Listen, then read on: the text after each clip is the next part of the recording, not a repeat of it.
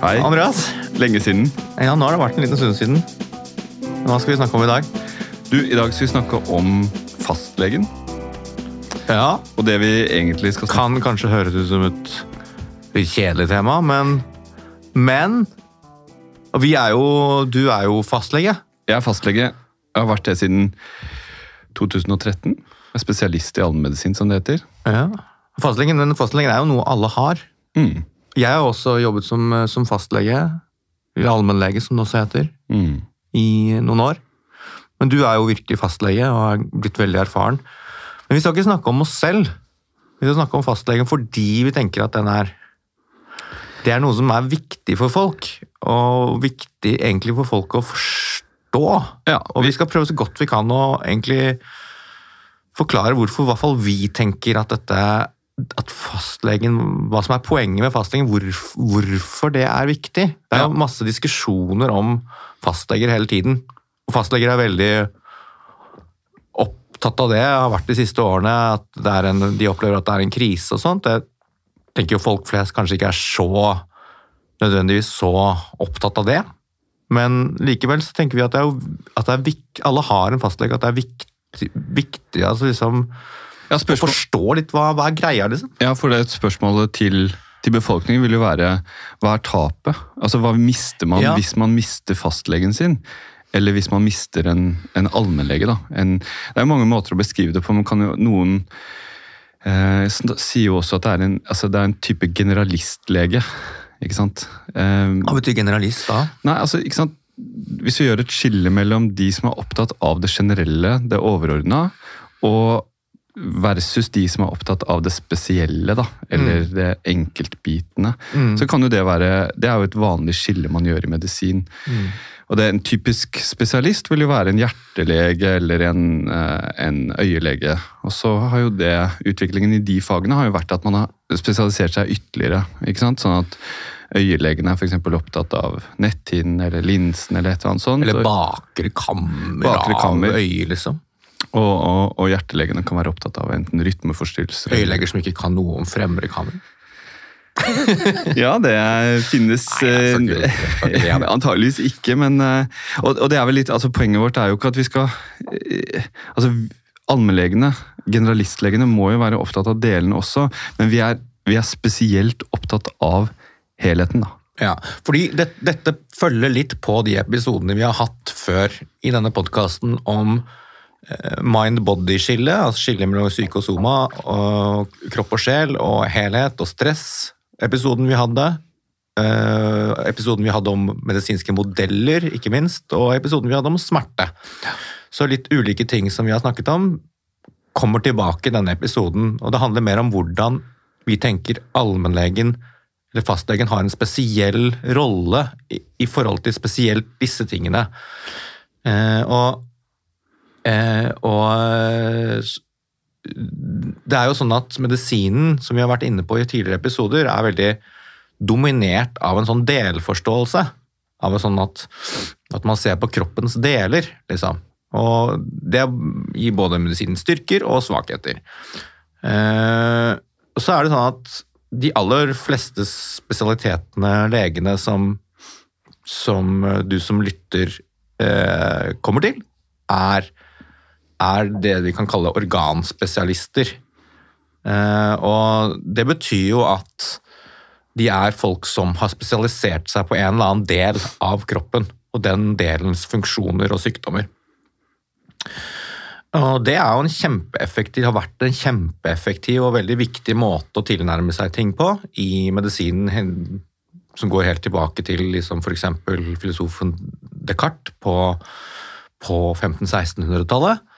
Eh, tanken om at man kan finne kunnskap og, og liksom at man skjønner ting bedre og kan kontrollere ting bedre hvis man deler et problem og en maskin eller en kropp opp i mindre og mindre deler. Eh, Som vi har vært inne på, så blir problemet det, det som kalles for fragmentering. Altså at eh, kroppen på en måte, og problemene blir liksom splittet opp i en masse går i tusen knas, han har sagt. Mm. Eh, og eh, utfordringen blir litt å sette det måtte knuste helheten tilbake til en helhet. Og det er jo det som er det store stikkordet da, med hva som er poenget med fastlegen. Ja, for- for det det- er måte he helhet. Det, det er helhet. Og, og, og vi skal ikke bruke mye tid på å kritisere den andre delen. Den er veldig viktig. Altså, vi må lete, vi, vi er opptatt av, av delene og bitene, men vi ser jo i praksis hvor, hvordan dette er utfordrende for de menneskene som har uh, mange forskjellige typer tilstander, eller hvor man ikke nødvendigvis finner noe eh, i den enkelte delen, ikke sant? det vil være en utfordring. Men også på en måte internt på sykehus, hvordan man har delt opp, stykket opp mennesket, slik at man kan sitte f.eks. Uh, i kreftomsorgen eh, og være opptatt av smerte.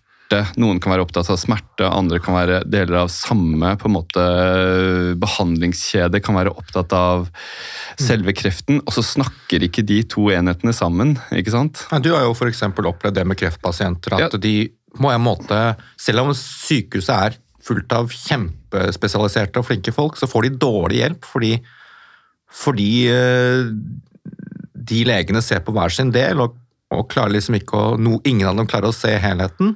Og, og når de i tillegg da, i noen tilfeller, da, ikke alltid selvfølgelig i det hele tatt, eh, samarbeider dårlig, så kan hjelpen bli veldig fragmentert og dermed veldig dårlig. Men det er, ikke, det er ikke nødvendigvis sånn at det hadde trengt å være det. For jeg, jeg jobbet f.eks. i alderspsykiatrien eh, et år.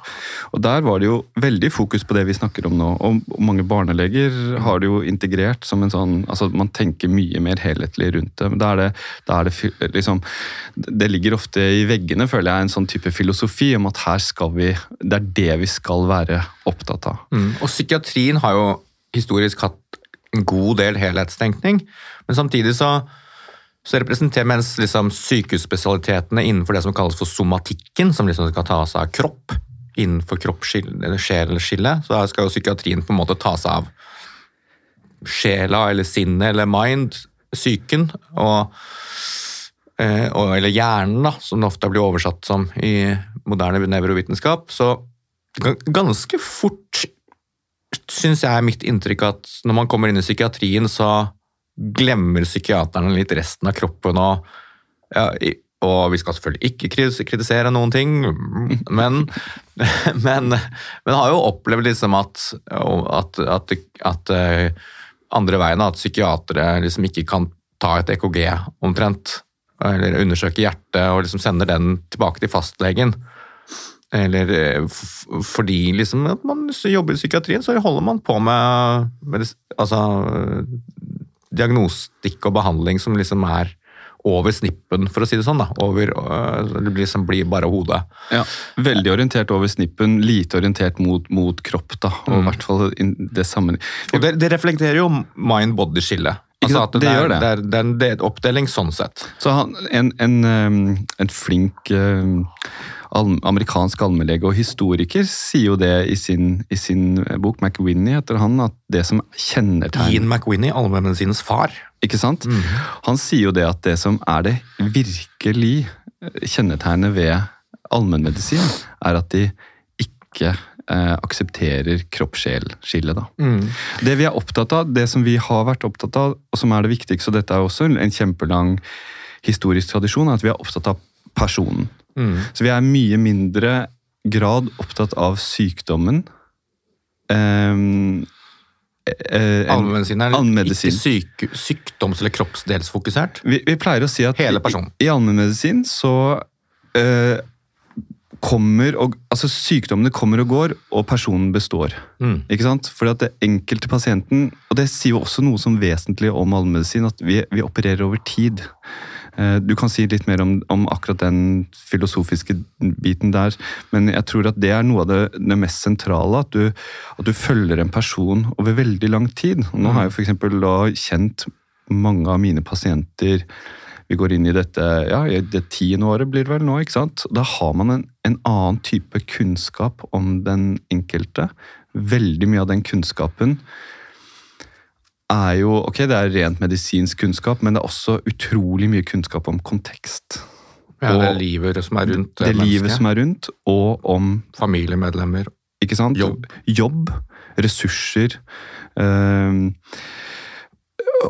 og, og det, det, spiller så utrolig stor rolle uh, i måten man kan hjelpe det mennesket på. Da. Mm. Så eh, Det som da er det spesielle med allmennlegen, eller kan være det spesielle med allmennlegen eller fastlegen, er altså da at fastlegen er i en posisjon som er helt unik, og som sykehuslegene f.eks. ikke har, eller psykiaterne ikke har, til å måtte sy det hele sammen. Og, øh, og det har jo å gjøre med hvilken posisjon fastlegen er i. Og spesielt i Norge, da, vi skal komme litt tilbake til det, men fastlegeordningen i Norge er jo helt fantastisk god. Det skal bare folk vite på en in, internasjonal basis, som, som en sånn infrastruktur til å lage en medisin som nettopp har et som har en helhetsperspektiv. Det er mange land folk ikke får dette, rett og slett. Altså det, er, det er en, det, og, det, og det helt sentrale der, i, i, den infrastrukturen på en måte, som gjør fastlegen eller allmennlegen til noe unikt som kan, er posisjonert til sy, sy det hele sammen, er jo det at man kan følge folk over tid. Og dette, dette, har jo, dette, har jo, skikkelig effekter på helse og uh, leveutsikter. Mm. Uh, særlig har du studert ved en som heter Barbara Starfield, men vi har jo også et flott norsk uh, miljø ved Hetlevik, er det hva han heter? Nei, altså Hogne Sandvik, unnskyld, ja. en, som nettopp i fjor, tror jeg, publiserte en kjempeviktig studie om, som viste da, hvordan, ja. hvordan, det å ha fastlege Hetlevik, er veldig bra for helsa. Også han Hetlevik har også skrevet, gjort flotte studier på dette, og det, det handler jo om at hvis du følger Hvis du har en godt utbygd primærhelsetjeneste, så, altså, så Allmennlege. Allmennlege, da. Mm. Uh, uh, så har du en uh, mer kostnadseffektiv helsetjeneste. Mm. Og, og, du reduserer dødelighet. Mm. Så det er jo kjemperobust. Mm. Og viktig, viktig for helsa. Men det det krever jo da at du på en måte aksepterer For det kan vi snakke litt om på en måte premissene for dette. For det krever jo også at man har en aksept for at man da har altså at allmedisin har sitt eget fokus. Altså Allmedisin har helhetsfokus. Mm. Så hvis du er i en tid hvor alle blir på en måte veldig opptatt av delene, ikke sant? Og, ja, hvis man en, har et samfunn eller en medisin som tenker at sannheten og løsningene osv.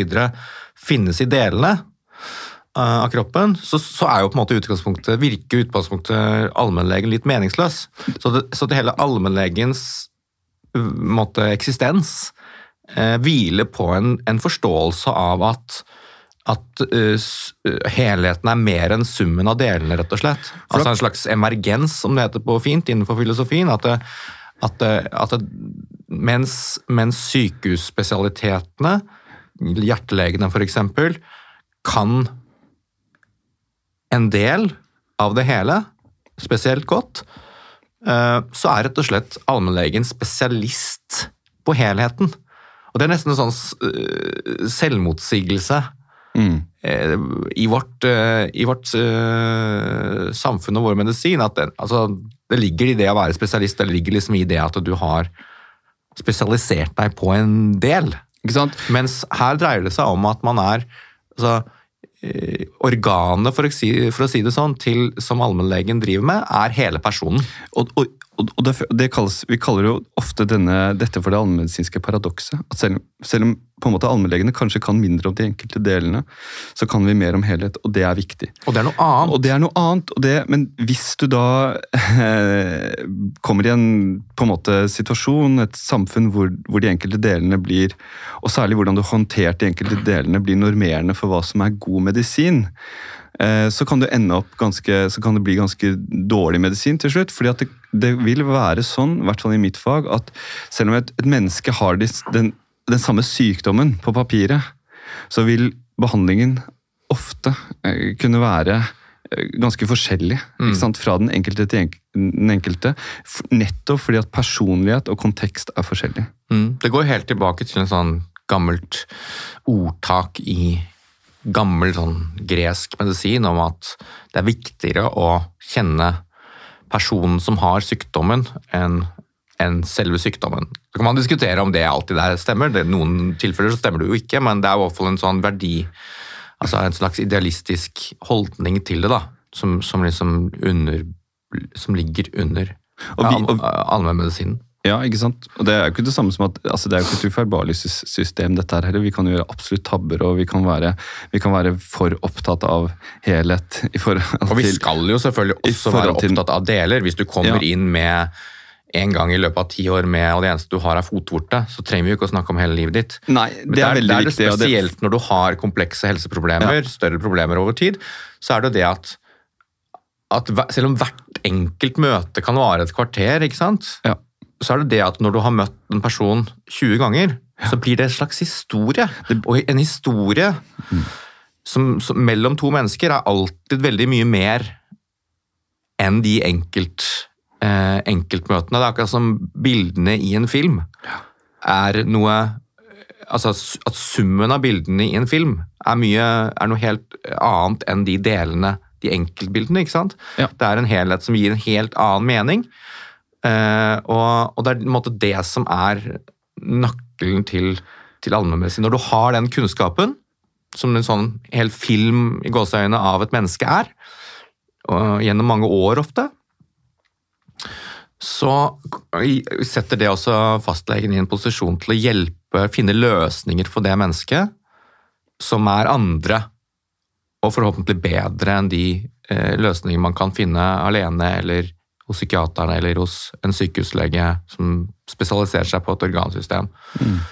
Eh, så, det, så det Og det kan jo høres på en måte eh, altså Du nevnte jo ordet emergens, det er jo et avansert begrep, men det kan jo høres nesten litt sånn kvasivitenskapelig ut på et eller annet vis, i hvert fall for, i en sånn moderne, for det moderne øret. Men det fins jo masse gode eksempler også på vitenskapen. Eh, skikkelig sånn stringente studier på hvordan man man kan ikke forstå et system uten å analysere systemet.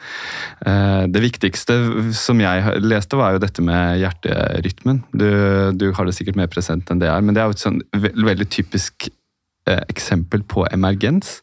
Mm. Hvor, du, hvis du skal prøve å forstå hvorfor hjertet genererer en rytme, så kan du ikke analysere enkeltdelene. Du kan ikke se på enkeltmolekyler i cellene og sånt. Du må se på hele cellene og hele systemet i hjertet for å se det. Men det er egentlig ganske anerkjent i, i vitenskapen, det, altså. At, at, øh, at for, å, for å forstå helheten, så kan du ikke se på delene. Det er egentlig ikke så, så kontroversielt. Det som er kontroversielt, for å nerde litt på det, da, det er at, eh, at eh, er tanken om at helheten faktisk er noe mer enn en alle delene i interaksjon. Eh, hvis, altså, altså, altså tanken om at hvis du er en sånn helt perfekt kunnskap, Hvis du hadde helt perfekt kunnskap om alle delene i kroppen og visste hvordan de interagerte, så, så er det mange som tror at da, da ville du faktisk forstått helheten, mens det er noen som da mener at det at helheten er noe helt er noe helt spesielt, og det er litt mer kontroversielt, men, men, men, men sånn, i praksis da, så har vi ikke sjans til å forstå helheten og hvordan et menneske fungerer på helhetsnivå ved å se på genene eller molekylene eller cellene i kroppen. Nei, jeg Så- mener at du ikke har sjanse til å forstå mennesket eller dets lidelser uten å prøve å åpne skopet. Da. Eh, Og det er jo også en av grunnene til at jeg eksempel tenker at det er ganske viktig at allmennlegene beveger seg ut av kontoret ofte, eh, og hjem til folk. Ja, så Det er jo en av de tingene som gjør at allmennlegen er i en spesielt god posisjon til å ha dette helhetsperspektivet. eh, Og kjenne deg bedre da, som, som menneske og pasient. Er jo ikke bare det at man kan følge over tid, men også at man kan dra hjem til folk, f.eks. Eller at man kan møte folk i ulike arenaer, f.eks. på skolehelsetjenesten, eller litt ulike ting over tid. Og da vil du skjønne eksempel en sånn vesentlig ting da, som jeg er opptatt av. At, og det, igjen, Vi er jo ikke så opptatt av diagnoser, vi er mer opptatt av funksjon. Så vil du si at fungeringen til mennesket, som jo da har en eller annen sykdom, det vil være veldig forskjellig i ulike kontekster. Ja, ja. Ikke sant? For mange, i hvert fall for veldig mange sykdommer, Så det vil være sånn at du har et funksjonstap i en kontekst, men du kan fungere godt i en annen kontekst. Ja, og det vil være viktig informasjon, ikke sant? Ja, For å sette på spissen, da, så vil kanskje en, en hjertelege være svært opptatt av at kolesterolet skal være under 1,8. Mens allmennlegen vil være mer opptatt av om helheten av det å ta medisinene og bivirkningene er forenlig med at pasienten oppnår sine mål i hverdagen, da. Eh, sånn at, eh, sånn at, det, at det å spørre pasienten hva er egentlig dine Hva er det som er viktig for deg å oppnå i ditt liv, eh, er liksom førende kanskje for allmennlegen i, i veldig større grad enn enn hva som er regnes som normal fungering i et organsystem, f.eks. Um, og dette, og dette reflekt... Altså, det er, det er jo noen ting som vi har snakket om tidligere episoder også. Det er noen altså det er noen problemer som egner seg veldig godt til å, til å gjøre på en sånn, med sånn delfokus, også hos allmennlegen. Så hvis du kommer inn med en stygg føflekk, f.eks., som ser ut til å kunne være kreft, så er jo løsningen på det å se på den flekken, og så skjære den bort. Ikke sant? Ja. Primært, i hvert fall det der og da. Så kan det selvfølgelig være bakenforliggende livssituasjoner og sånt som gjør at det har skjedd, som man kan ta seg av senere, men det er liksom det som er riktig ting å gjøre da. Men, men det er også en del problemer vi har snakket om, eh, som dominerer medisinen i dag, som er veldig vanlige, og som veldig mange av de som hører på, vil, vil kjenne igjen som de viktigste problemene i sine liv. eh, Som handler om vedvarende smertetilstander, vedvarende eh, utmattelsestilstander, eh, søvnproblemer. Altså som, som er ekstremt vanlige på, på, på, på legekontorene. eh, som, som vi tenker der det er spesielt viktig da, å ha et helhetsperspektiv, nettopp fordi de vi tenker da, at de, og mange allmennleger tenker at de lidelsene spesielt ikke kan forstås og håndteres uten å se på helheten. Mm. Og Derfor så tenker vel vi også at, på en måte at dette er de dette er de sykdommene eller tilstandene som allmennleger er spesielt egentlig godt rustet til å eie Mm. og håndtere. Ja, og som vi kanskje er nødt Vi må ta den ballen. Ja. Altså det, er, det, det vil være på en måte vår eksistensberettigelse. Vi avhenger av hvor godt vi håndterer nettopp de problemene der. Vi kan, vi kan snakke jeg, litt mer om det etterpå også, at hvor, hva som egentlig måtte truer allmennlegens posisjon, eller, eller truer det at folk kan få denne typen hjelp, som er, er viktig for dem. Fordi det er under trussel hele tiden Mm. i, i medisin i dag. Men, eh, men eh, som du sier, da, så eh, Ja. Ja, ikke sant? At, men jeg bare tenker bare litt tilbake til det som til helhet og, og, og delbiten der. fordi at ehm, det er klart at hva medisinen kommuniserer ut til folket, er, har veldig mye å si på hva, vi, hva mennesker vil lete etter òg. Ikke sant?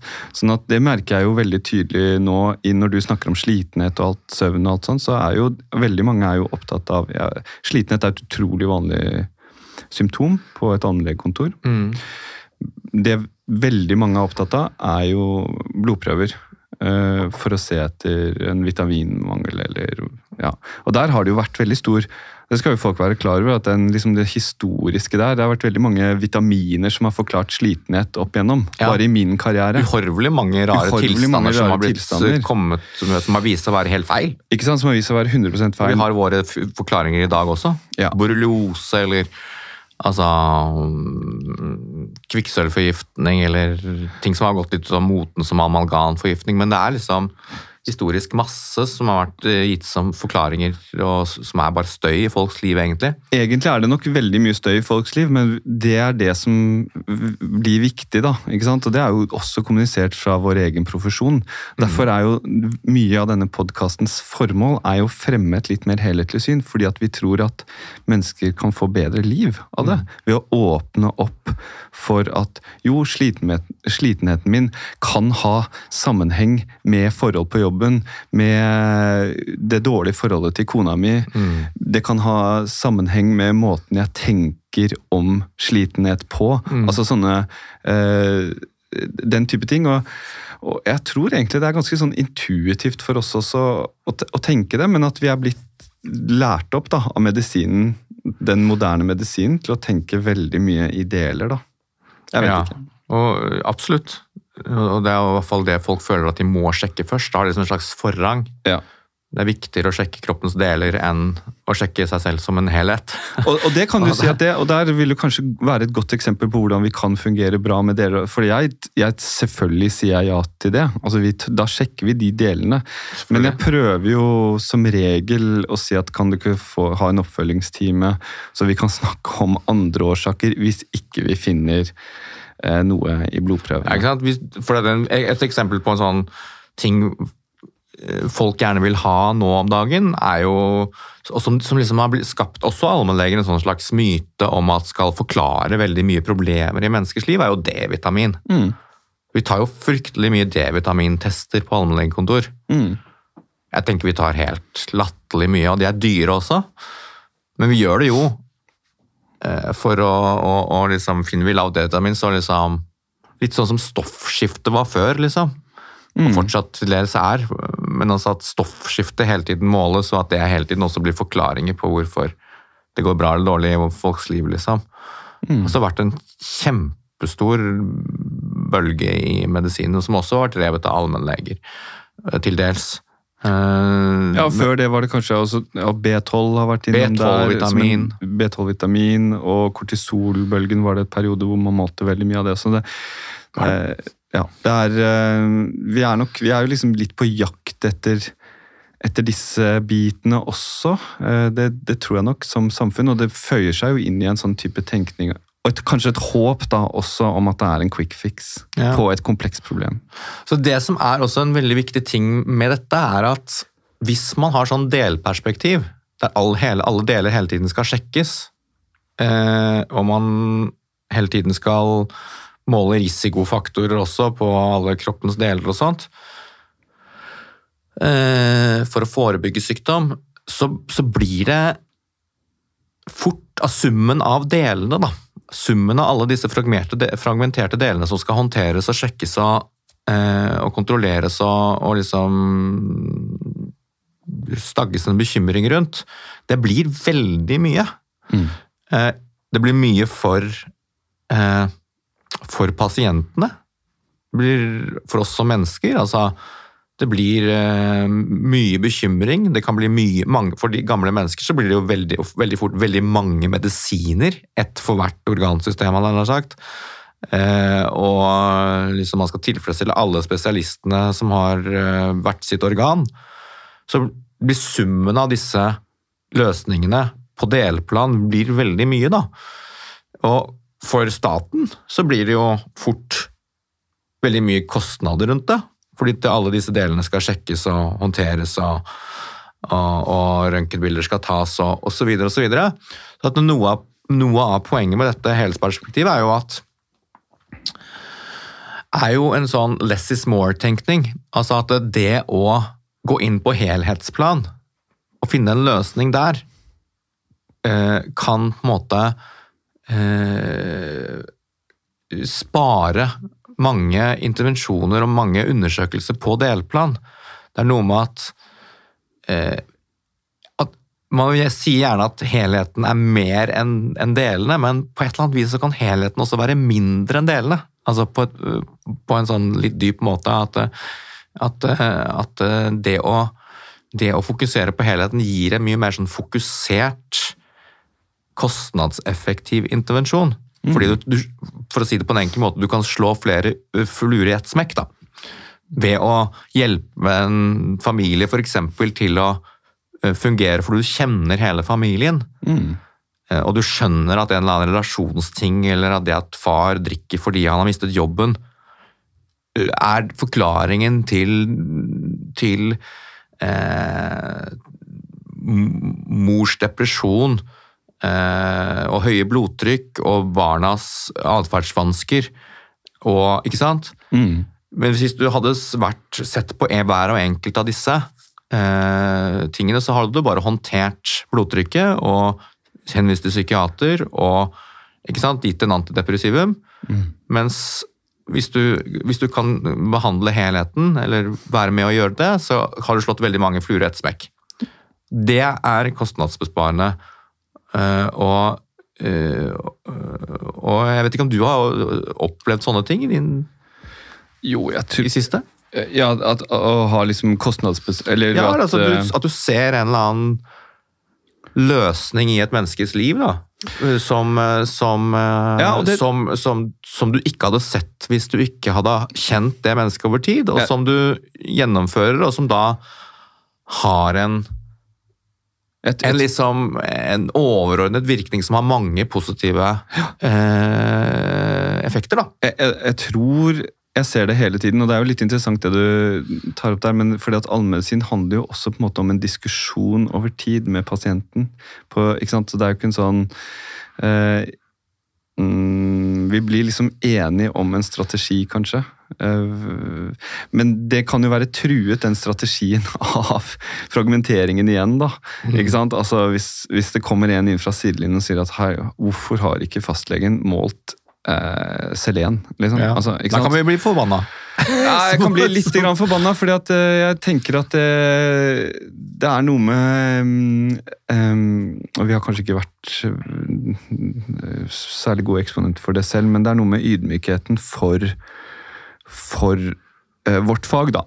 Altså at man skjønner at det er et eget fag som, som gjør Som har en egen filosofi, og som, som er, hvor det ofte er veldig gjennomtenkte valg på vegne av en pasient, men hvor du alltid kan komme inn fra siden og ha dybdekunnskap om en eller annen ting og si at dette er ikke bra nok i henhold til denne protokollen for denne tingen. Ja, ikke sant? Ikke sant? Mens det du, det du Mens har allmennlegen ikke egentlig er opptatt av det, fordi det er ikke høyest prioritert.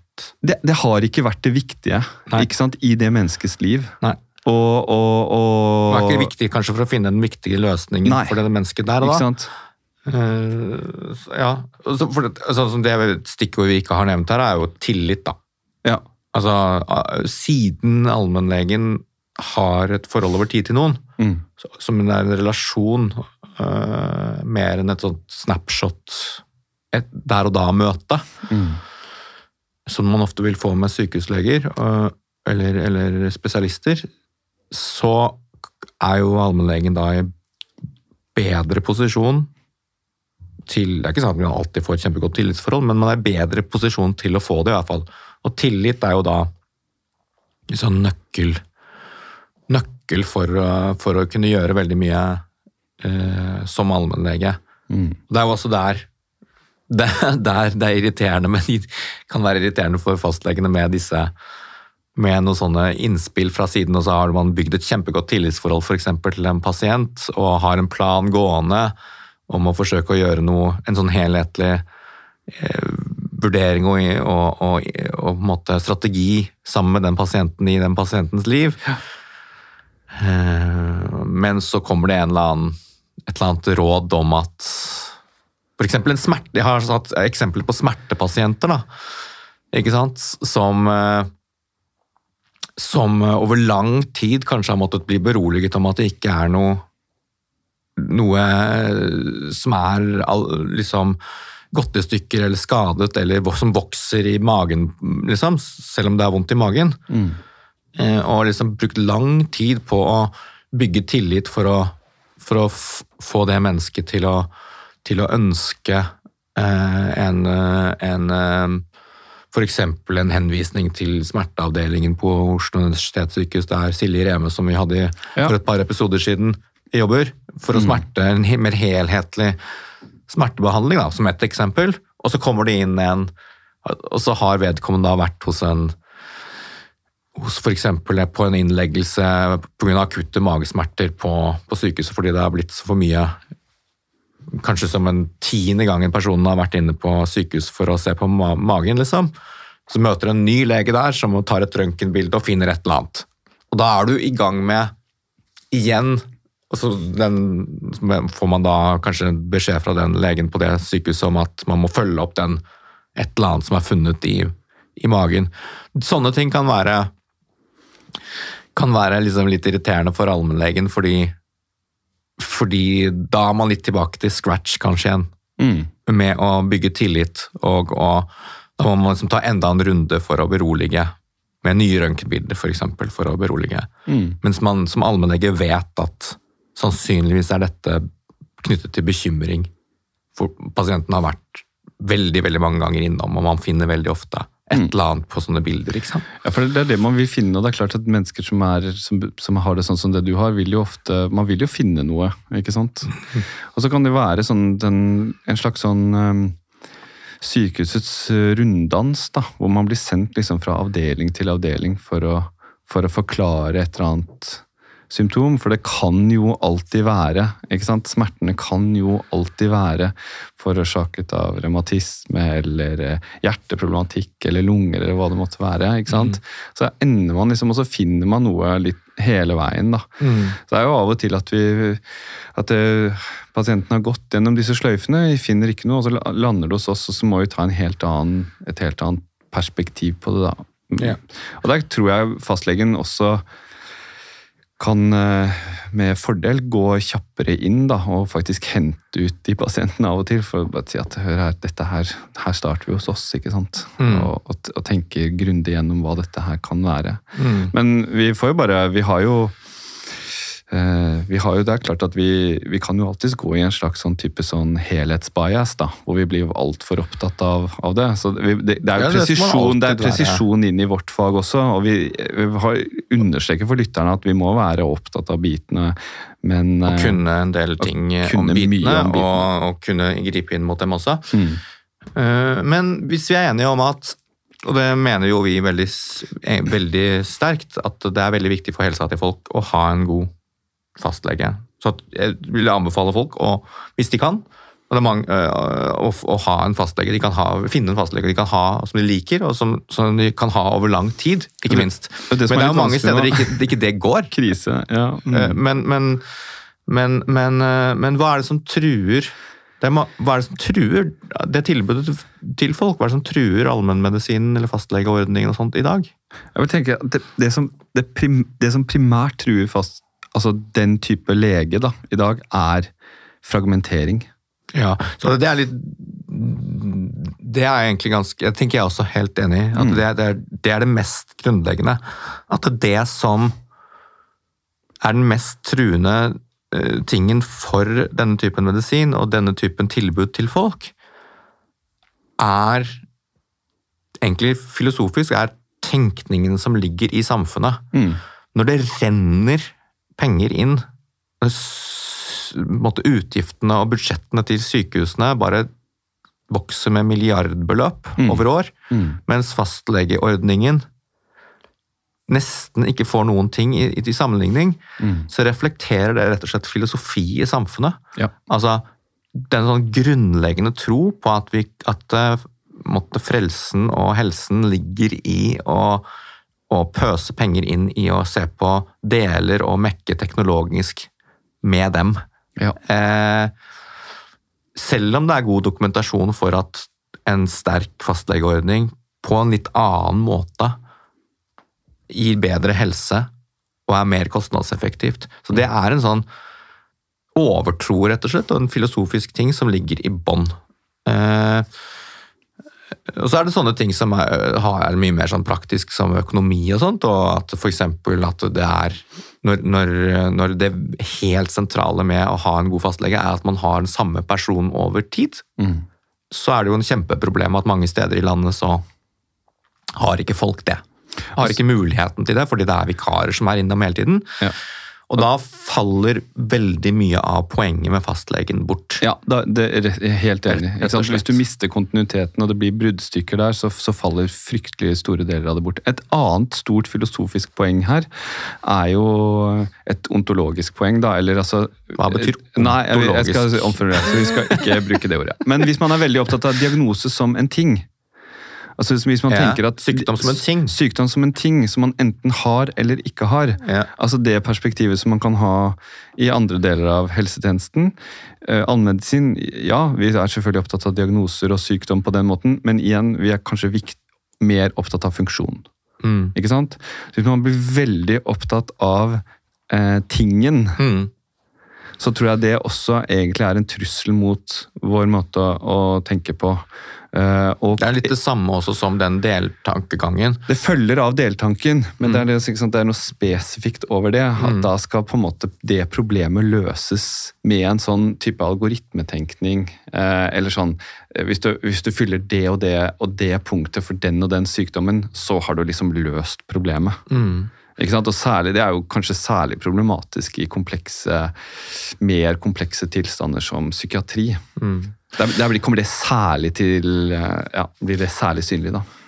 Men hvilke andre liksom splittende og fragmenterende, knusende holdt jeg på å si, krefter er det som, som, som virker mot allmennmedisinen og dermed helsa til folk? Helse betyr jo helhet, egentlig.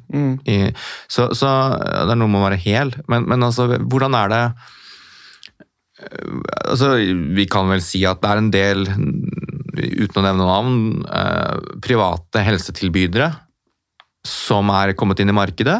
Og det er ikke det at de nødvendigvis er dårlige leger, eller at de ikke eh, kan gjøre en god jobb der og da, men de virker fragmenterende. Altså hvis du har vært eh, eh, liksom eh, innom en eller annen tjeneste som tilbyr eh, en eh, konsultasjon der og da, eller kommer hjem til deg, eller en eller annen nettbasert lege, eller noe sånt.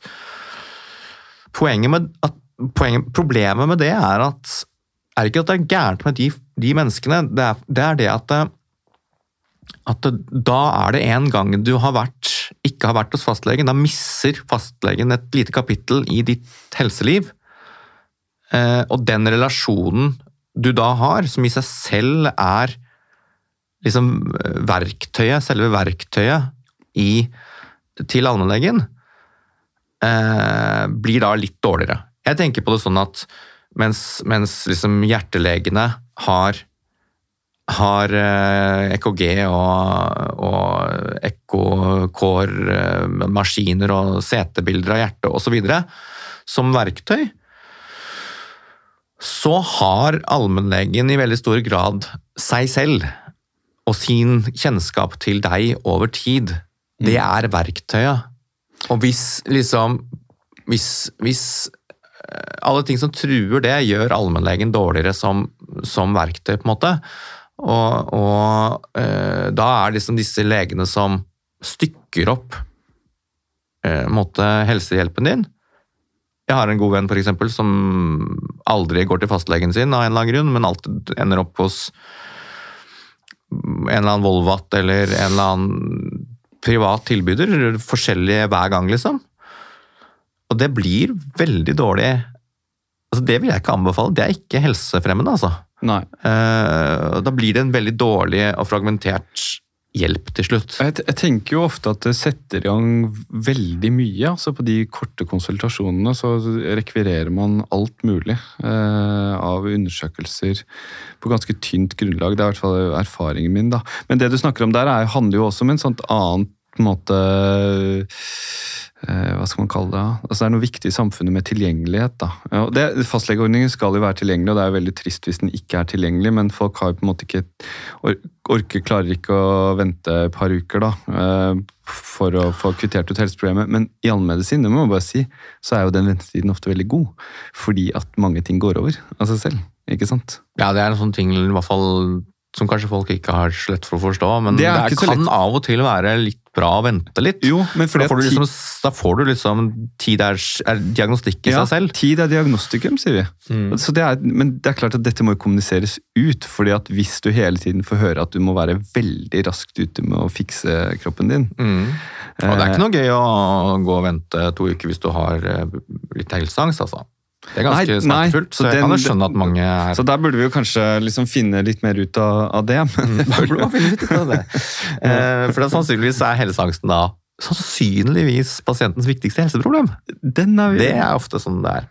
Men um, en annen ting som kanskje er mer eh, liksom, tenker jeg vi må snakke om, uh, fordi vi kan ikke bare være snille mot eget fag, Nå har vi snakket opp allmennmedisinen her, men en annen trussel mot allmennmedisinen som fag tenker jeg kommer fra allmennmedisinen. Og det er rett og slett, nå skal jeg være litt skerp, at, eh, at en del allmennleger, en del fastleger, ikke forstår dette godt nok. Eh, og blir på en måte sånn summen av alle delene leger, Mm. som er opptatt av, av eh, å liksom mekke på de ulike tingene ved kroppen, og ikke ser dette helhetsperspektivet Mm. eh, like godt. Og, eh, og måtte forsøker å være en en person som kan litt om alle delene, men Mm. ikke har interessen for disse helhetsproblemstillingene og, og liksom det å dyrke det i seg selv, da. Eh, og- det tenker jeg er helt nødvendig for at fastlegekrisen også skal, skal løses, er en veldig sterk bevissthet hos allmennlegene om hva som er Fastlegene om hva som er kjernen i det de kan tilby. Det de, kjernen i det vi som fastleger eller som allmennleger og interessert i det kan tilby, er dette helhetsperspektivet, er denne Mm. helhetskompetansen, og den må dyrkes måte, og kommuniseres. Eh, For vi kommer aldri til å klare å, å, å, å konkurrere på de, på de andre tingene. Vi kan ikke konkurrere med dybdeforståelsen Nei. spesialistene har på sine organsystemer, eller psykiaterne har på, på hjernen eller psykiatriske ting, og vi klarer heller ikke å konkurrere med enkelt eh, Altså de som, som, som har eh, sånn private klinikker og kan tilby timer på dagen for en sånn fragmentert eh, enkeltkonsultasjon. Så, så at hele fokuset må være å forklare Absolutt. for oss selv og andre hva som er poenget med den helheten. Ja, og det, men det er, dette er en vanskelig øvelse. og jeg, Du har jo vært opptatt av profesjonsutvikling og, og profes, profesjoner da, øh, øh, opp igjennom det. Hva, for Veldig ofte så blir jo det altså man kan, Som allmennlege så kan man jo fort føle seg litt sånn underlegen, tror jeg mange. Altså Vi har ikke den samme teknologien som det, som det spesial, sykehusspesialisten Mm. eller andrelinjetjenesten har. Vi har ikke den samme på en måte sånn dybde altså sånn, Vi kan ikke så mye om sånn enkeltbiter, så man, man, man på en måte står litt eh, bak der i, når de begynner å snakke om proteiner og enkeltgener. og ikke sant, Så blir det sånn Ja, det blir Dette burde jeg kanskje kunne.